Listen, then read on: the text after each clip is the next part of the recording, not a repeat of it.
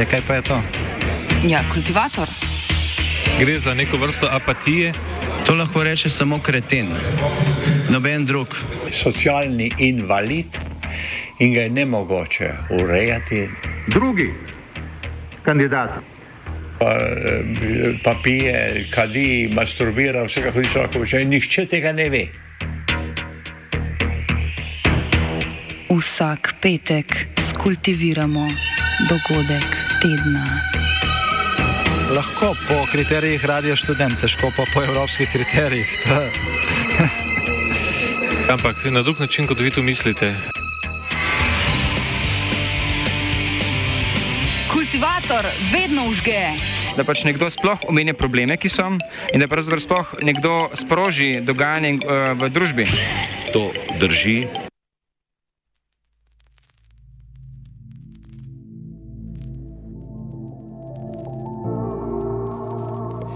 Leto odčaranja reformistov. Analizo minulega leta po pregledu najpomembnejših dogodkov in premikov po svetu v današnjem kultivatorju nadaljujemo ter zaključujemo z notranje političnim dogajanjem. Če smo se v supervolilnem letu 2022, ko je bila vlada Roberta Goloba še sveža in zagnana, morali zanašati na obljube in geste nove koalicije, je leto 2023 privedlo do odčaranja liberalno-svobodnjaške aure novega obraza. Po volitvah nas je morda za trenutek kolektivno uročil kult odločnosti novega odrešenika pred Janezom Janšo. V prvem polnem letu real političnih odločitev je ministerska garnitura Gibanja Svoboda, socialnih demokratov in levice poskrbela za prizemljitev, za vrnitev v business as usual golobovih predhodnikov, ki so voljivcem in sebi gradili privito reformah po meri ljudstva, medtem ko so ga sproti rušili.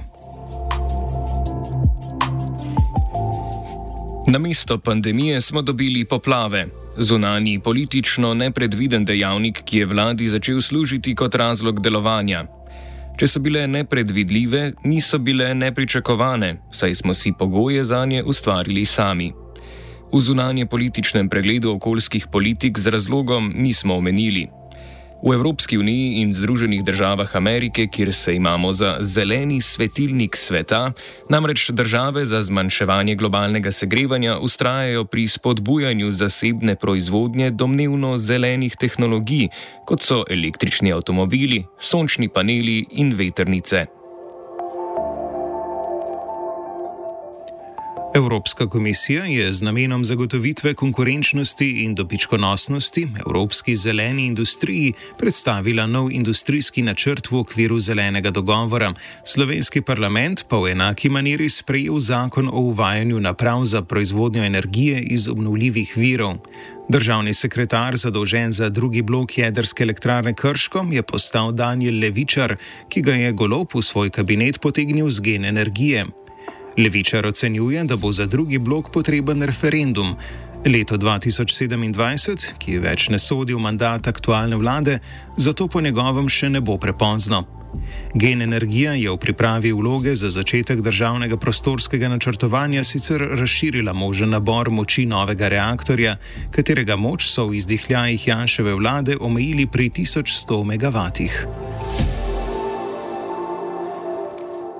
Zaradi do biznisa prijaznih okoljskih politik nas predlanski požari na Krasu in lanske poplave ne morejo več čuditi. Do najhujših poplav v Sloveniji doslej je prišlo v letu, ko so na gladini Atlantskega oceana do konca pomladi izmerili rekordne temperature. Zaradi večjega izhlapevanja vode je narasla pogostost nastajanja vremenskih front, ki so se kazale predvsem v obliki pogostejših padavin v Srednji Evropi. V začetku avgusta so po daljšem obdobju obilnega deževja, predvsem porečja Drave, Kamniške bistrice, Sore, Save in Savinje, postala preobremenjena. Neposredno je v poplavah umrlo sedem ljudi, reke so odnašale hiše, zaradi plazov pa bo država, naprimer iz strug v občini Luče, ljudi izselila. Hidrolog Janez Polajnar z Agencije za okolje je avgusta za kultivator ocenil, da so poplave za Slovenijo gotovo nova realnost. Prav gotovo je to nova realnost. V tem smislu, da um, da zdaj vemo, kaj narava lahko naredi na našem ozemlju. Prav gotovo bomo prav zaradi tega našega kratkega kolektivnega spomina, ko se poplave do, dosti hitro pozavijo, ponovno okrepili in, in nadgradili našo akcijo ozaveščanja v smislu postavljanja tablic do sedaj najviše izmerjene gline vode. To akcijo vodimo že od leta 2006 in nameščamo te tablice in sedaj moramo te tablice predstaviti ponekod tudi za meter in pol više, kot so bile prej. Uh, vsekakor pa to pomeni tudi za nadaljno razmislek o prostorskem načrtovanju. To bodo nove dimenzije, nove omejitve, do katerih eh, lahko pravzaprav seže prostorska poselitev oziroma sedaj vemo, kje se je treba vodi umakniti. Med razlogi za tako hude poplave je, kot so opozarjali hidrologi, inženirji in vodarji, tudi gradnja na poplavnih območjih, pogosto nelegalna. Objekte ali hladovino ob rečnih strugah je voda odnesla dol vodno in jih zagozdila, da nimo v mostove, ki so jih po poplavah prve postavljali na novo. Na območjih pomembnega vpliva poplav, kakor so jih opredelili v novem načrtu zmanjševanja poplavne ogroženosti, je po podatkih iz leta 2019 stalo več kot 90 tisoč stavb, v katerih je imelo stalno ali začasno prebivališče prek 300 tisoč ljudi. Delež pozidenega prostora na območjih z veliko poplavno nevarnostjo je v primerjavi s podatki z začetka tisočletja skoraj 1,5 krat večji.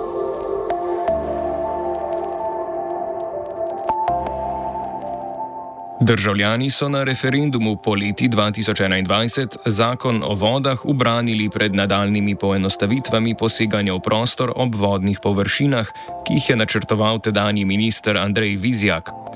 Toda to še ne pomeni, da veljavna zakonodaja, denimo uredba o pogojih za posege v prostor na poplavno ogroženih območjih iz leta 2008, gradnjo objektov na ogroženih območjih omejuje dovolj strogo.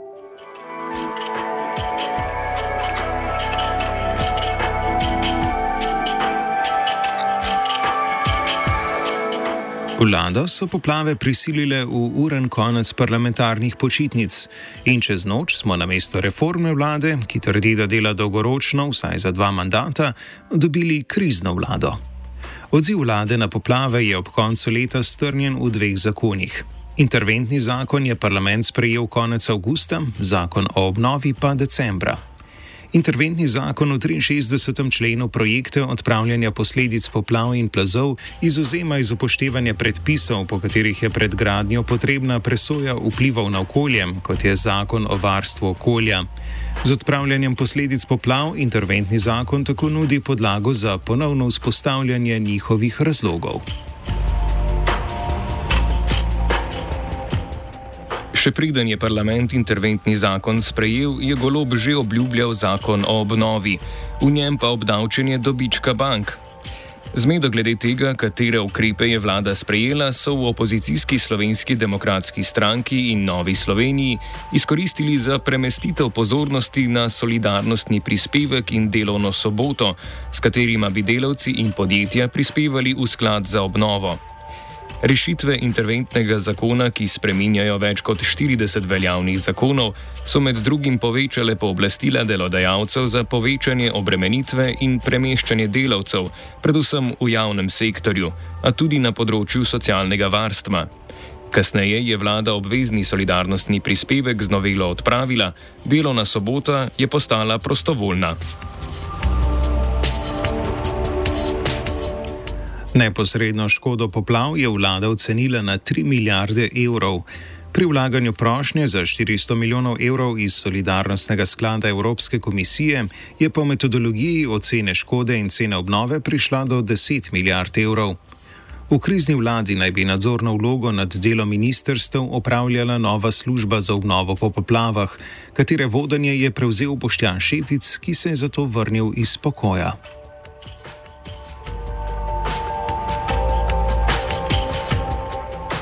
Enormne poplave, ki bodo več let ali desetletji zaznamovale življenje ljudi, predvsem na neposredno prizadetih območjih, so za golobovo vlado hitro postale izgovor za spodletelost reform in povratek post-covidnim nameram po varčevanju.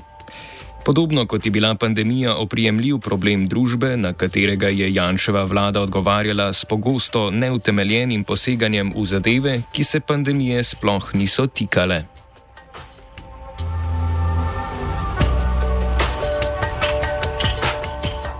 V začetku oktobra so v osrednjih medijih brez reference na kakršen koli vir začeli govoriti o rekonstrukciji vlade. Informacije ali dezinformacije o rekonstrukciji so v medije prišle sočasno z golobovo namero pomenjavi ministra za naravne vire in prostor Simona Brežana ter kmetijske ministrice Irene Šinko. V istem času je golob izbral novo zdravstveno ministrico Valentino Prevoljnik Rupel.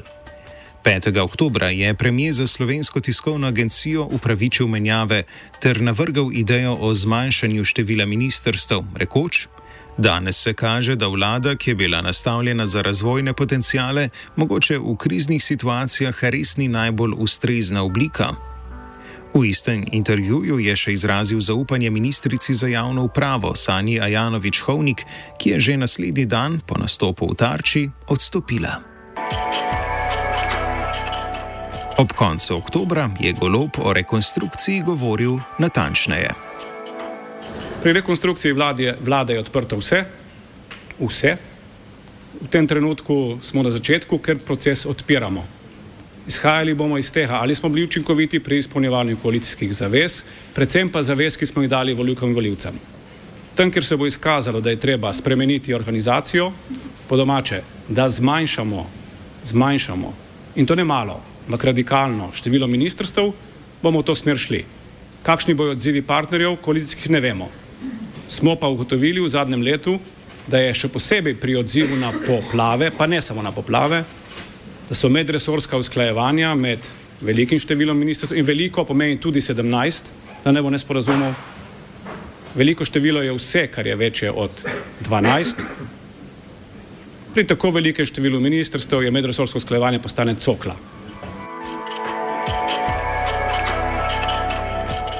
Kdo je v medije sprva plasiral govorice o rekonstrukciji vlade in zakaj, na zadnje ni bistveno. Naj bi bil razlog preprosto odvračanje pozornosti, vnaprejšnje upravičenje ministerskih menjav ali golobov menedžerski refleks po učinkovitejšem vodenju vlade v krizni situaciji, kot bi šlo za podjetje. Iz rekonstrukcije v pravem pomenu ni bilo nič že zato, ker so se v socialnih demokratih in levici oklenili lastnih ministerskih stolčkov. Poleg tega bi z novo rekonstrukcijo vlade golob povozil mnenje voljivcev, ki so jeseni 2022 na referendumu potrdili spremembe zakona o vladi in razširjen nabor ministrstev.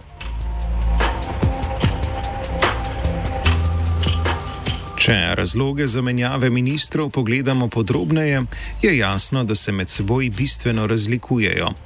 Med golobovimi razlogi za razrešitev Šinko je bilo postopanje uprave za varno hrano, ki v primeru uvožene in v slovenskih trgovinah prodane hrane s prekoračenimi vrednostmi pesticidov državljanov ni obveščala. Toda z ministrico je imel golob že dolgo drugačne poglede, naprimer glede spodbujanja vegetarijanstva, pri čemer je Šinko ostala zaprisežena promociji mesne industrije ali glede poboja nutri na Ljubljanskem barju. Proti odlovu Nutri je golobova partnerica Tina Gaber zagnala kampanjo, ob koncu leta pa je v intervjuju na televiziji Slovenija golob priznal, da mu je Gaber pri boju za ranljive skupine kot srčna oseba marsikdaj navdih. V istem intervjuju je golob zatrdil, da Šinko nikdar ni bila njegova prva izbira.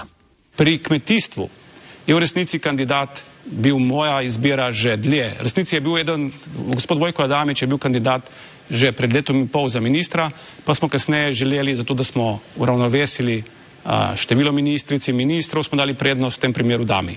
Nič narobe. Golob je v intervjuju spet imel predolg jezik in dejal, da je edini razlog, da Vojka Adamiča, upokojenega majorja, še ni predlagal za kmetijskega ministra, da je bil takrat v tujini. Včeraj je za ministrico predlagal doslej nevidno poslanko Gibanja Svoboda Matejo Čalušič, saj so bili v poslanski skupini Svobode po informacijah portala N1 s predstavitvijo Adamiča zelo nezadovoljni.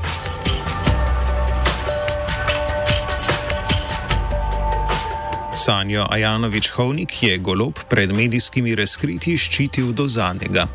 Predvsem mladina in televizija Slovenija sta prednjačili pri pisanju o nepravilnostih pri osrednjem vladnem razpisu za financiranje nevladnih organizacij, ki ga vodijo na Ministrstvu za javno upravo.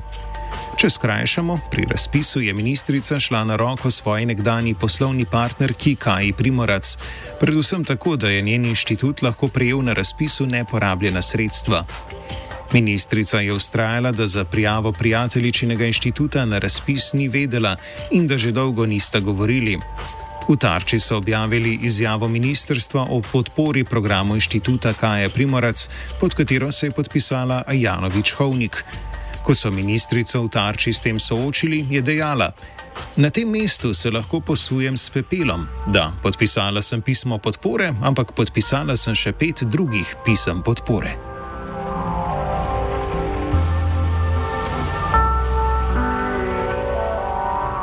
Novi minister za javno upravo je postal Franz Props, tudi on predtem poslanec Svobode.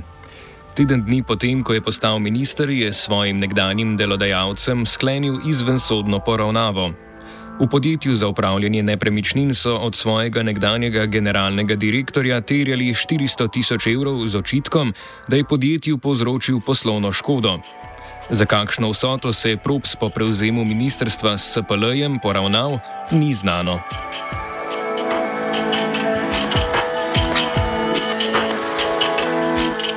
Največje posledice bo že zaradi pomembnosti njegovega resorja pri popoplavni obnovi gotovo imel odstop Uroša Brežana. Pri očitkih Brežanu je bil golob v intervjuju za STA dvoumen.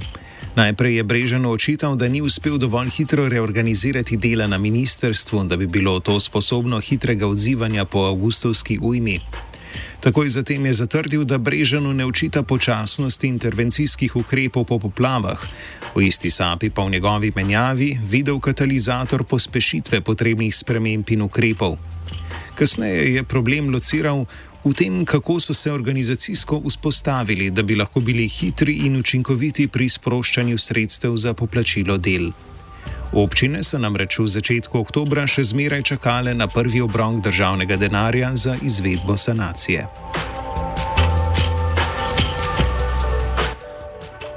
Toda Brežan je v parlamentu 9. oktober pojasnil, da je njegovo ministrstvo sredstva, namenjena za popoplavno obnovo, na račun dobilo šele sredo predtem, torej 3. oktober.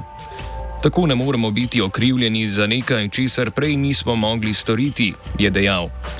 Na pravi razlog za to, da je izgubil podporo premijeja, je Brežan nakazal z opozorilom na prihodnje izzive pri urejanju prostora, kjer se po njegovem ponujata dve skrajni možnosti.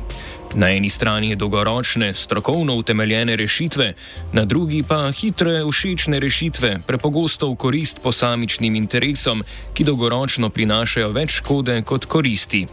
Citiramo. To je lekcija, ki nam jo je uprizorila narava to poletje.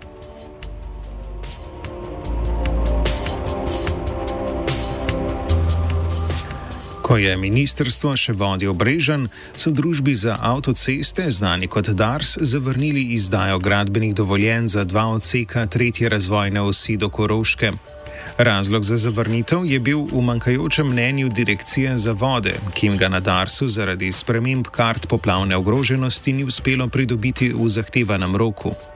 Državni sekretar na infrastrukturnem ministrstvu Andrej Rajh je zavrnitev označil za sabotažo. Ministrstvo za naravne vere je začasno prevzela kar infrastrukturna ministrica Alenka Bratušek, ki je tako približno dva meseca imela hkrati nadzor nad infrastrukturnimi investicijami in njihovim umeščanjem v prostor.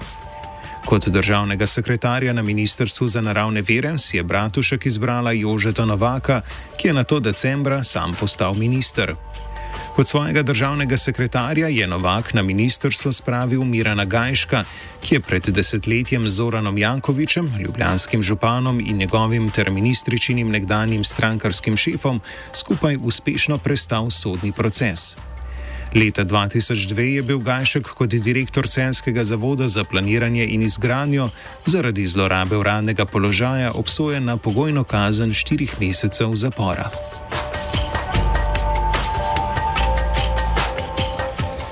Medtem ko so kadri blizu Alenki Bratušek in Zoranu Jankoviču začeli prevzemati Ministrstvo za naravne vire, so stvari hitro stekle. V gibanju Svoboda so se spravili še na predsednika uprave Darsa Valentina Hajdinjaka, nekdanjega podpredsednika Nove Slovenije. Na mesto Hajdinjaka, ki so ga prisilili v odstop, je nadzorni svet za pol leta za predsednika uprave imenoval Davida Skorenška. Skorenšek sedi tudi v nadzornem svetu ELESA, državnega operaterja električnega omrežja. V upravi Darsa je tudi Andrej Ribič, ustanovni član Gibanja Svoboda, ki je hkrati predsednik nadzornega sveta ELESA. Predsednik nadzornega sveta Darsa je Andrej Šušteršič, ki je z Ribičem sodeloval v Elektru Ljubljana.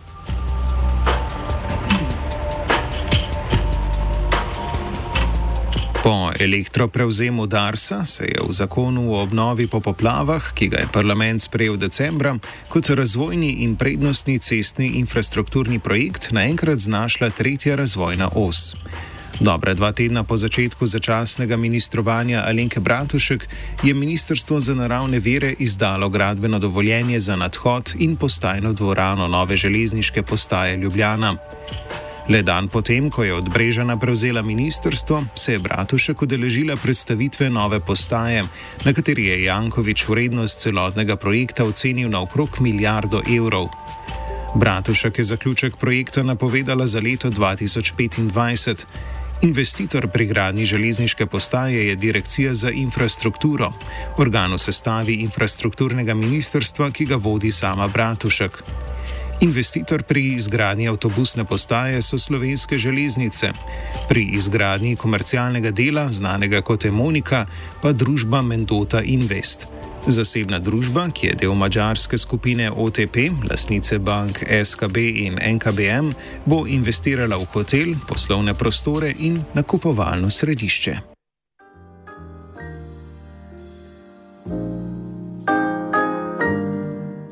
Konec oktobra je portal N1, ki se je že do dobra uveljavil kot eden posrednikov internih informacij iz Gibanja Svoboda, ob sklicevanju na anonimne vire poročal, da je premijer Golob kot stopu pozval tudi predsednico državnega zbora Urško Klakočar Zupančič. Na razpravi poslanske skupine Svoboda, ki se je, je udeležil tudi Golob, so po informacijah portala govorili o tem, da predsednica državnega zbora prevečkrat ravna po svoje, kot je to storila v primeru glasovanja o razrešitvi ministrice Šinko, pri katerem je bila vzdržana. Golob je, spet po neuradnih informacijah NN, mnenje, da bi zato morala odstopiti, podprl. Naslednji dan so iz stranke vrgli poslanko Mojco Šetinc Pašek in Roberta Pavšiča, ki je tedaj delal v kabinetu predsednice parlamenta. Danes smo imeli najprej sejo izvršnega odbora, potem še sveta stranke. Vsi sklepi, ki jih bom zdaj predstavljal, so bili sprejeti soglasno. Poudarjam, soglasno. To največ pove o tem, koliko so resnične govorice o razkolu stranki. Ugotovili smo, da so določeni posamezniki delovali izrazito v škodo ne samo stranke, ampak tudi notnosti koalicije in tudi s tem trdnosti vlade. Zato smo se odločili, da ta dva posameznika iz stranke danes izključimo. Gre za poslanko Mojco Pašek Šetinc in gre za bivšega poslanca LMŠ Roberta Pavšiča. Oba sta bila danes s tem tudi seznanjena in kar se nas tiče, je z njima zgodba zaključena.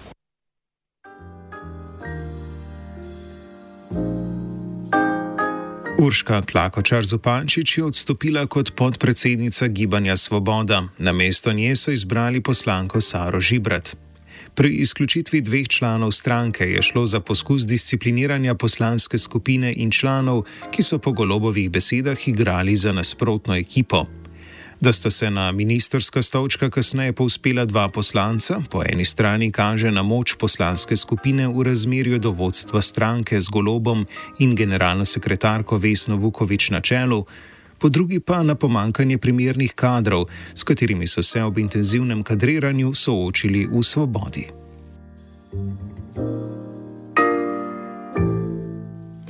Krizna vlada, o oblikovanju katere je govoril Golob, se je na koncu izkazala za navadno krizo vlade. Kriza, ki so jo v vladi, predvsem pa v gibanju Svoboda, skušali predstaviti kot posledico poplav, je v resnici razgalila zastoj pri udejanjanju vseh ključnih obljubljenih reform. Poplave so naenkrat postale razlog za vrčevanje. Vlada je naprimer reformo plačnega sistema v javnem sektorju, po kateri bi razmerje med najnižjo in najvišjo osnovno plačo povečali na 1 proti 7, zamaknila v leto 2025. Ministrstva so z finančnega ministrstva dobila ukaz, naj v letu 2024 znižajo porabo.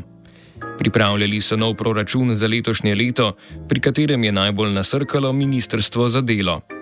Na ministrstvu Luke Mesca so znižanje porabe načrtovali z zamrznitvijo usklajevanja socialnih transferjev in plač v javnem sektorju z inflacijo.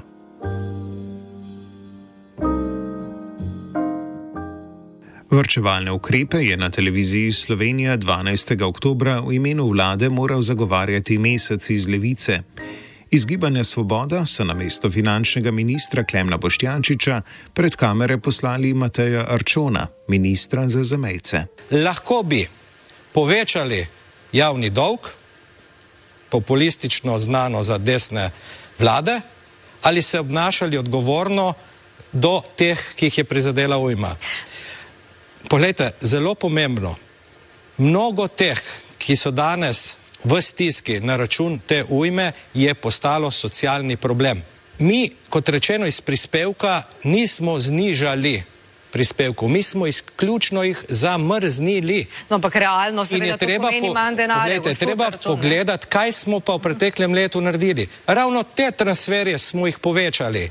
Tudi pri socialnih transferjih se dogajajo anomalije.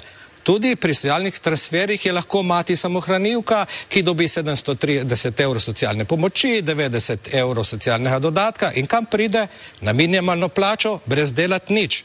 Zakaj je pomembna ja. zamrznitev? Jaz bom uh, skušal res čim bolj enostavno razložiti. Se to drži, ampak to me sploh spominja res pre, na retoriko SDS, ne doskrat. Pretežno zato, ker želimo ciljno pomagati ljudem z interventnimi ukrepi na področju sociale. Če bomo ugotovili, da se bo elektrika podražala, bomo ciljno pomagali tistim, ki so pomoči potrebni.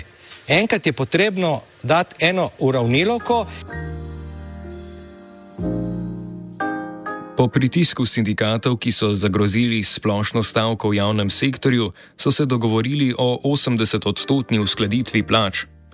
Vladi ni neposredno uspelo privrčevati niti na plečih najrevnejših. Najprej je vladna koalicija na parlamentarnem odboru v spremembo zakona o izvrševanju proračunov vključila 70-odstotno uskladitev socialnih transferjev. Za popolno uskladitev so morali koalicijski poslanci, ki se z vrčevanjem niso strinjali, najprej uprizoriti ples pod kozmičnim dežjem, katerega značilnost je bilo iztikanje kartic iz glasovalnih naprav. S plesom, ki je privedel do potrditve opozicijskega dopolnila, so Goloba in Boštjančiča uspeli prepričati v popolno uskladitev socialnih transferjev.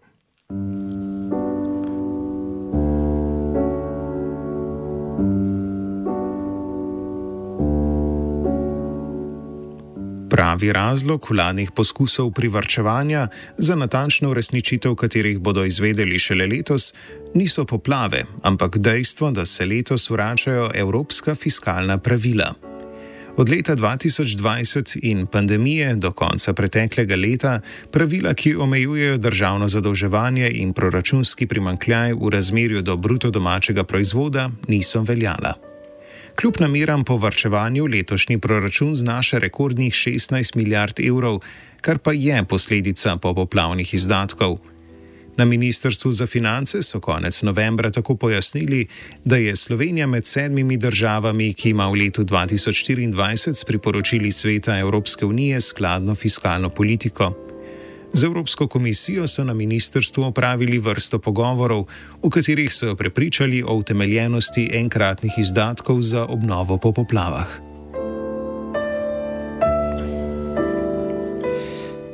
Da pri vrčevanju ni šlo za golo upoštevanje fiskalnega pravila ob poplavnih izdatkih, ampak tudi za ideološko pogojeno potezo, kažejo naprimer proračunski izdatki za vojsko in politične stranke. Poleti, še pred poplavami, so bile parlamentarne stranke pri dvakratnem povečanju proračunskih sredstev, namenjenih političnim strankam, enotne. Najprej so poslanci potrdili spremembe zakona o financiranju političnih strank. Spremembe so zasnovali tako, da je večji delež prejetih proračunskih sredstev odvisen od volilnega rezultata strank. S tem sta več denarja pridobili stranki z največjim številom poslancev, torej Gibanje Svoboda in Slovenska demokratska stranka. Izgubile so manjše, predvsem zunaj parlamentarne stranke. Na to je finančno ministrstvo privolilo v povečanje skupne malhe, namenjene financiranju strank z 2 milijonov evrov in pol na 5 milijonov. To je na kolegiju predsednice državnega zbora enotno podprlo vseh pet parlamentarnih strank. Iz načrta razvojnih programov do leta 2026 investicij v novo oborožitev vojske sredi domnevne nuje po vrčevanju niso črtali. Vlada je nove investicije v proračunski načrt uvrstila konec julija. Najprej je za nabavo 106 bojnih osemkolesnikov rezervirala skoraj 700 milijonov evrov. Septembra 2022 je vlada namreč sklenila izstopiti iz programa za nakup bokserjev, ker je bil projekt Mateja Tonina, obramnega ministra iz prejšnje vlade. Pod Toninom je Ministrstvo za obrambo načrtovalo nakup 136 oklepnikov Boxer in sklenilo pogodbo za nakup 45 oklepnikov za dobrih 400 milijonov evrov. Od posla je ministrstvo pod Marjanom Šarcem na to odstopilo, čeprav odstopa po poročanju večera do konca preteklega leta še niso formalno dokončali, saj se morajo s tem strinjati tudi vse v programu sodelujoče države, torej Nemčija, Združeno kraljestvo, Nizozemska in Litva. Šarec je v oddaji 24 ur zvečer konec julija ustrajal, da država z odločitvijo za nakup 106 oklepnikov pravzaprav vrčuje. Prejšnji obramni minister pa pozabi povedati, za njegov program v celoti bi jih potrebovali 136, se pravi 45 ni nič. 45 je tako, kot bi prodajali hišo v tretji podaljšani gradbeni fazi in trdili, da je hiša že izgotovljena. Te, in zato smo mi iz teh 136 vozil prišli na 106 vozil kar je bistvena razlika in, že, eh, in pri tem štejemo tudi prihrane glede na celoto in za tisto, kar bi prejšnja vlada z bokserji, ko bi jih nakupila 136, toliko kot bi dala prejšnja vlada za, samo za 8 kolesnike, s tem denarjem bomo mi kupili še drugo opremo. Ampak tisto, ki smo jo... piše, da bi prejšnja vlada šla sploh v ta nakup, ne? Se vidite, da se dnevno spreminjajo stvari, ne? Ne... Se pravi, vi v bistvu ste privečevali nek imaginaren denar, ki ga v resnici sploh še nismo če, zapravili. Če ne, bi šla, če ne bi šla v celoten nakup, potem srednje bataljonske bojne skupine in izvidniškega bataljona ni in je to zavajanje. Mi smo se odločili, da bomo srednjo bataljonsko bojno skupino in izvidniški bataljon postavili usporedno, da jo bomo postavili v celoti, zato da bo ta zmogljivost zgrajena. Kajti dokler eh, bi imeli samo 45 vozil, te zmogljivosti ni. Tudi poleg nabave osem kolesnikov je vlada v načrt uvrstila nov sistem kopenske zračne obrambe, za katerega je predvidela 200 milijonov evrov. Decembra je Šarčev državni sekretar Damir Črnčec z Nemci tako že sklenil dogovor o sodelovanju pri nabavi raketnega sistema Iris-T. V proračunski načrt, katerega stroški se prerasporejajo čez več let, je vlada uvrstila še nakup šestih večnamenskih vojaških helikopterjev za 200 milijonov evrov in nakup dodatnega transportnega letala Spartan za 70 milijonov.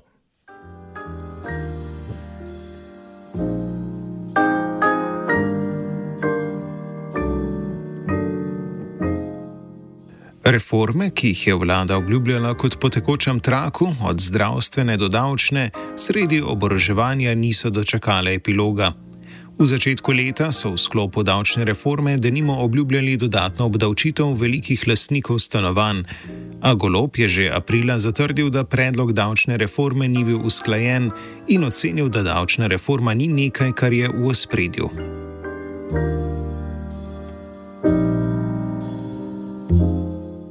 V ospredju je takrat še bila zdravstvena reforma. Toda ministr za zdravje Daniel Bešič Loredan se je v sklopu svoje reforme hotel spraviti nad Zavod za zdravstveno zavarovanje in ga podrediti svojemu ministrstvu.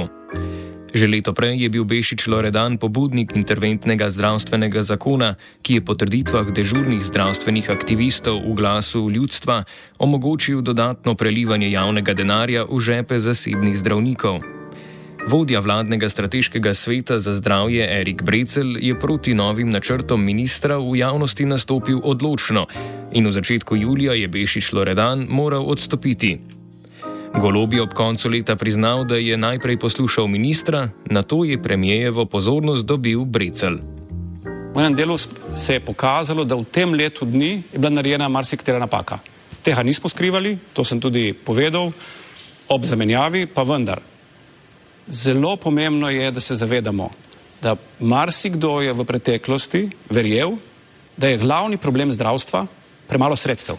Jaz sem to mantro poslušal dolga leta. V zdravstvu bi bilo vse boljše, ko bi zdravstvo ne bilo podhranjeno. In sem v začetku mandata verjel, da če bomo zagotovili dovolj sredstev za zdravstvo, se bodo problemi lahko reševali. Istočasno pa moram priznati, da me je že takrat znani kirurg, dr. Erik Brecel, ki je kasneje postal predsednik strateškega sveta, opozarjal. On me je opozarjal. V zdravstvu ni problem pomanjkanja denarja, ampak je problem pomanjkanje, žal, pri posameznikih etike in pomanjkanje organizacije. Jaz sem verjel takrat ministru, da bomo z denarjem uspeli večino napak odpraviti. Po letu dni se je izkazalo, da nekatere stvari so bile odpravljene, nekatere da. In predvsem naučili smo se ogromno tega, kaj v drugem poskusu, katerih napak naj ne ponavljamo in kam naj damo pozornost. Z izbiro Valentine Prevoljnik Rupel je bil Brecel zadovoljen. Kmalo je pripravila nov interventni zakon, s katerim je dežurstvo na področju nujne medicinske pomoči razširila na vse zdravnike financiranje iz javnih sredstev. Koncesionari so bili iz dežuranja predtem izuzeti. Še za časa ministrovanja Bešiča Loredana so poslanci Gibanja Svoboda čez noč šli v ukinitev dopolnilnega zdravstvenega zavarovanja, kar je bilo za vlado Marjana Šarca pred leti usodno.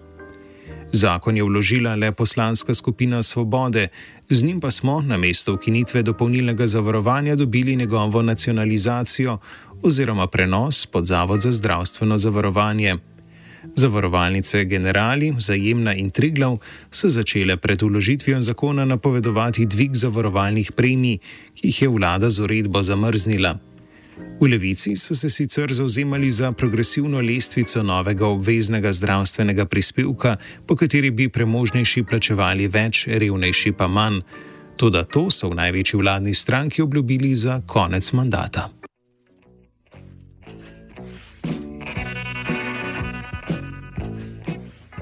Vodenje levice je v minulem letu prevzela ministrica za kulturo Asta Vrečko.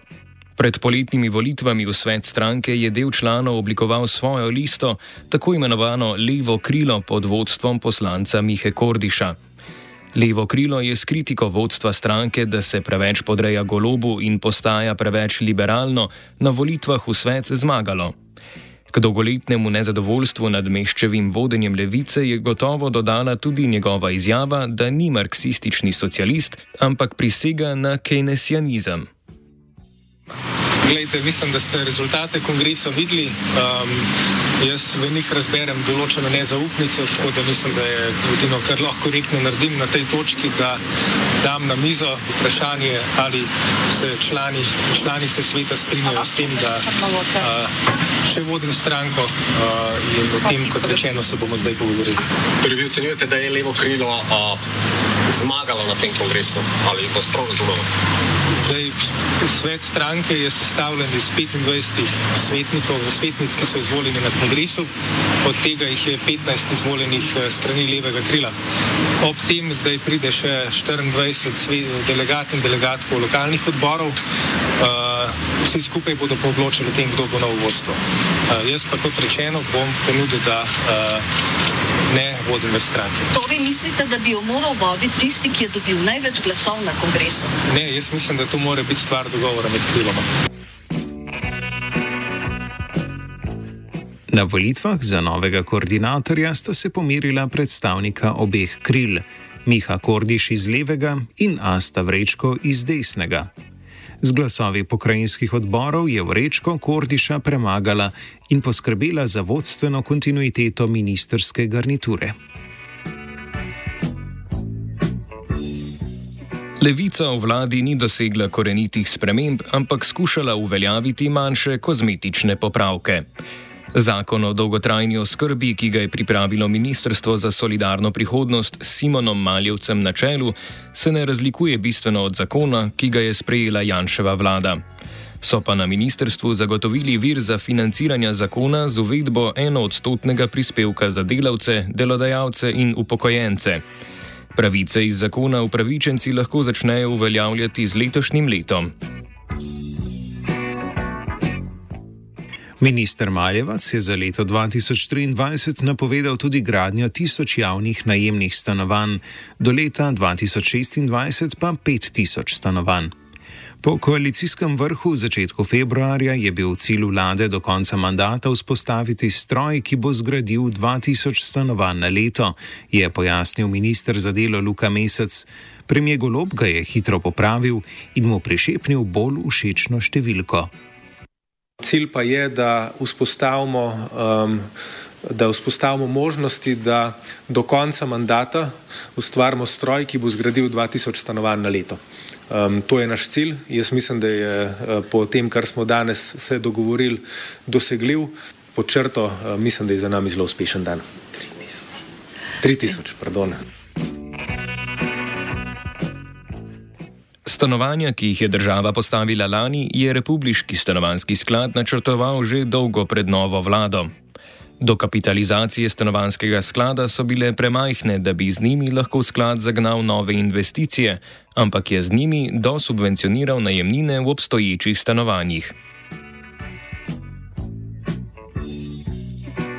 Uklanjanje vlade delodajalcem je privedlo do kozmetičnih popravkov zakona o delovnih razmerjih pod meščevim ministrstvom. Predstavniki delodajalcev so izstopili iz ekonomsko-socialnega sveta, na njihovo stran pa so pred sprejetjem novele zakona stopili gospodarski minister Matjaš Han, finančni minister Bošnjančič in po trditvah sindikalistov tudi sam premije Golop. V zakonu ni obljubljene možnosti 30-urnega delovnega tedna, dopust v primeru oskrbe družinskega člana je neplačan, pri praktično vseh ukrepih, ki širijo pravice delavcev, pa imajo zadnjo besedo delodajalci. Depolitizacijo radio-televizije Slovenija, ki so jo z novim zakonom, potrjenim na predlanskem referendumu, obljubljali v koaliciji, je sprva zadržalo ustavno sodišče. Tudi ker se na sodišču o končni presoji niso mogli poenotiti, so maja odpravili zadržanje izvajanja zakona. Po konstituiranju novega sveta je upravo prevzel Zvezdan Martič.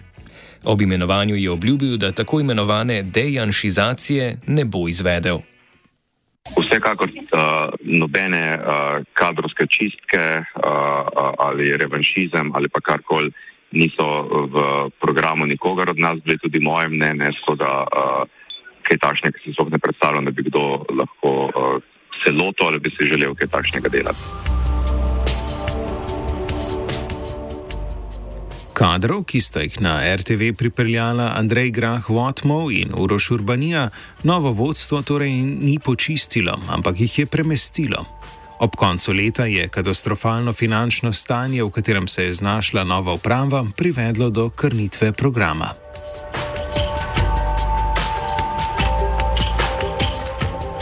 Obljubimo samo še en zakon. Ministrstvo za notranje zadeve je lani prevzel Boštjan Poklukar, preverjen kader iz Šarčevega bazena. Kmalu so na ministrstvu pripravili novelo zakona o tujcih, v kateri so obdržali nacionalistični pogoj znanja slovenskega jezika za podaljšanje začasnega dovoljenja za prebivanje po postopku združitve družine. Prav tako pogoj velja za pridobitev stalnega prebivališča. Toda pogoj velja le za državljane držav, ki niso članice Evropske unije. Matej Torkar z direktorata za migracije na notranjem ministrstvu je pogoj znanja jezika označil za spodbudo. Da se nekako spodbudi neke kategorije um, tujcev, ki se doslej praviloma niso v veliki meri vključevali v izobraževalne tečaje za jezik, da se jih spodbudi k večji vključitvi. Zato se ta ukrep iz tega člena, ki ste ga vi uh, omenili, nanaša dejansko na družinske člane um, tistih tujcev, ki imajo v Republiki Sloveniji dovoljenje za, uh, za prebivanje, se pravi družinskih članov in to samo, ko želijo ti podaljšati dovoljenje za prebivanje kot družinski člani. Se pravi, ne pri pridobitvi prvega dovoljenja, torej ko pridejo v Republiko Slovenijo, ampak potem, ko v Sloveniji nekaj časa bivajo in želijo podaljšati to bivanje, se jih potem spodbuja s to novelo, da se vključijo v tečaje uh, jezika, ker je to pripoznano. Um, mi smo bili zelo deležni v bistvu zelo velikih opozoril strani šol, strani ne nazadnje zdravstvenih domov in tako naprej, da um, ti družinski člani pogosto prihajajo v stik z, z učitelji v šolah, zdravniki in tako naprej, pa um, ta nekakšna jezikovna barijera je onemogočala neko učinkovito komunikacijo. Zato je ta novela naslovila njih in pa po drugi strani še um, tiste um, tujce, ki želijo v Republiki Sloveniji dobiti dovoljenje za stalno prebivanje. A gre za obvezen pogoj. Oktobra so v vladi sicer spoznali, da bo izvedba zakonskega pogoja v rokih nemogoča, zato so uvedli novo preživetveno raven znanja jezika, ki v praksi zaenkrat ničesar ne spreminja.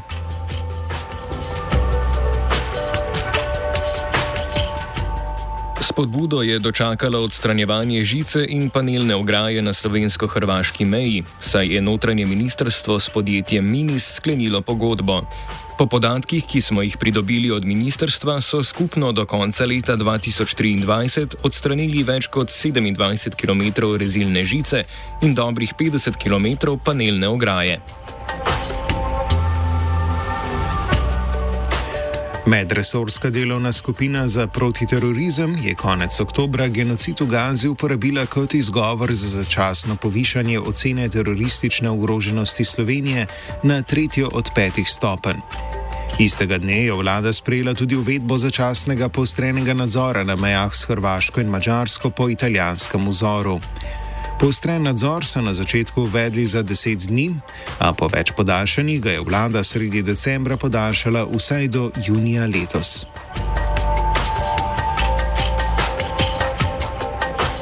Ljubljanska mestna šerifijada je leta 2023 nadaljevala z gentrifikacijo in elitizacijo najlepšega mesta na svetu. Konec oktobra je občina otvorila novi center Rog, Po nasilni evikciji skvotorjev iz avtonomne tovarne Rog je Ljubljana dobila kulturniški center za elite. Drugač pa rok kot tak za me je to nek spet gradbeni dosežek, najprej projektanti, potem ti izvajalci. Dol smo imeli galvano, ki je bila za vse nevarna, ne vem koliko tega odpadnega blata, odpadne tekočine, kisline smo odpeljali ven, da smo dobili. Ta rok zdaj daje novo podobo. Jaz garantiram, da so vsa stanovanja tu na Trubarjevi dobila 50% na vrednosti, odkar je novi rok, ne stari rok. Da je novi rok namenjen vsej javnosti, ne le eliti, je Jankovič zatrdil z vabilom na otvoritev. Kot da dobrodošli na otvoritev. Tu, če delate, živi v broč, bi bilo čist drago. Mal je velik ta rok za okrog, ne? Tudi za udeležbo otvoritvenega dogodka znotraj zgradbe je bilo treba imeti pisno vabilo. Pred nekaj sto protestniki je zgradbo zavarovala policija. Na terenu je bil sodelavec Virant, ki je povzel končni izkupiček otvoritve. Torej, izkupiček, če potegnemo črto uh, otvoritve Jankovičevega centra Rok, dve aretaciji, uh, ki sta se, mislim, spustili so Ivani zapora isto noč, um, vsaj dve osebi na urgenci in skupno uh, približno deset poškodovanih, bodi si od sozilca ali uh, policijskega nasilja. Elite so lani poleg centra Rok dobile še vsaj tri komplekse stanovanjskih zgradb. V Šiški je nasproti nakupovalnega središča investicijska skupina Spektra Invest postavila najvišji stanovanski objekt v Ljubljani, rumeni dvojček Spektra z 208 stanovanji, ki stanejo med 120 tisoč in 680 tisoč evri. Slovaški Korvin pa je, tudi v Šiški, naredil načrt za gradnjo štirih blokov kvartet, v katerem dvosobno stanovanje stane okoli 200 tisoč evrov. Korvin v Ljubljani načrtuje še gradnjo poslovne stavbe Vilharija in stanovanskih zgrad po Plinhartovi in Masarikovi cesti. Nasproti hotela Lev na mestu nekdanjega Kolizeja pa je družba Reitenburg postavila Pale in Vilo Šelenburg. V Paleju je 110 stanovanj, v Vili pa le 15, ki so razporejena čez 6 nadstropji. Vsa stanovanja imajo ceno več kot 15 tisoč evrov na kvadratni meter. Večino novih investicijskih stanovanj, od katerih smo našteli le nekaj projektov, kupujejo lasniki brez kreditov. Za povrh so se mestne oblasti spravile še nad drevesa, lani na rožniku.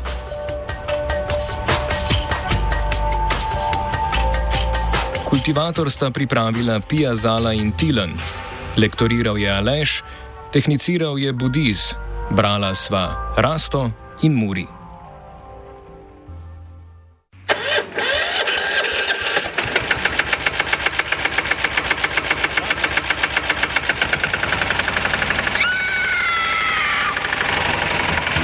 E, kaj pa je to?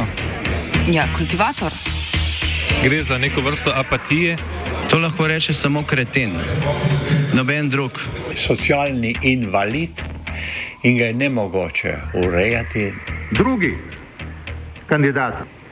Pa, pa pije, kadi, masturbira, vse kako hoče lahko reči. Nihče tega ne ve. Vsak petek skultiviramo dogodek tedna.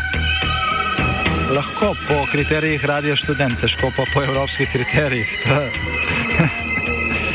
Ampak na drug način, kot vi to mislite. Kultivator vedno užge. Da pač nekdo sploh omenja probleme, ki so, in da pravzaprav sploh nekdo sproži dogajanje uh, v družbi. To drži.